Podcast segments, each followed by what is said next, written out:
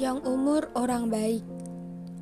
Jika kamu berbuat baik, berarti kamu berbuat baik untuk dirimu sendiri, dan jika kamu berbuat jahat, maka kerugian atau kejahatan itu untuk dirimu sendiri. Quran Surat Al-Isra ayat 7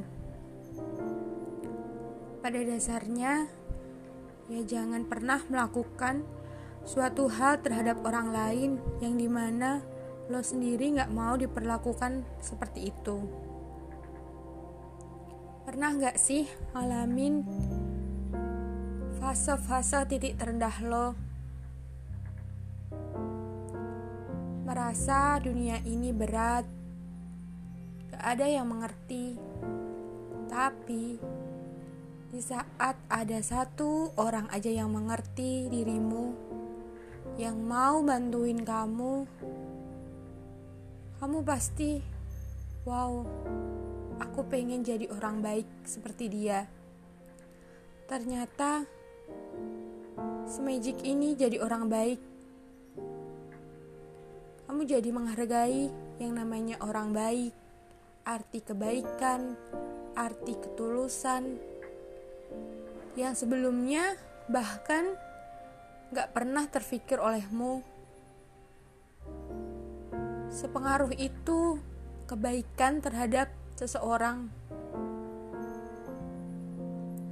Kalau pernah mendengar karma, karma itu biasanya orang yang melakukan kejahatan, eh lo dapat karma nih. Tapi selain karma yang jahat seperti itu, juga ada karma baik. Karma baik di mana kamu akan mendapatkan kebaikan karena kamu sudah melakukan kebaikan ke orang lain. Semakin ke sini, semakin sadar bahwa ya semua yang aku lakukan, aktivitas yang aku lakukan ke orang lain, ke diriku sendiri, itu ujung-ujungnya juga balik ke diriku sendiri. Dan aku percaya bahwa hal baik akan selalu datang kepada orang yang baik juga. Karena panjang umur saja tidak cukup. Ada sebuah hadis riwayat Tirmizi begini bunyinya.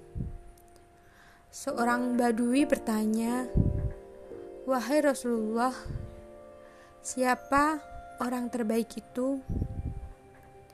Rasulullah menjawab, "Orang yang terbaik itu adalah orang yang panjang umurnya dan baik amalannya."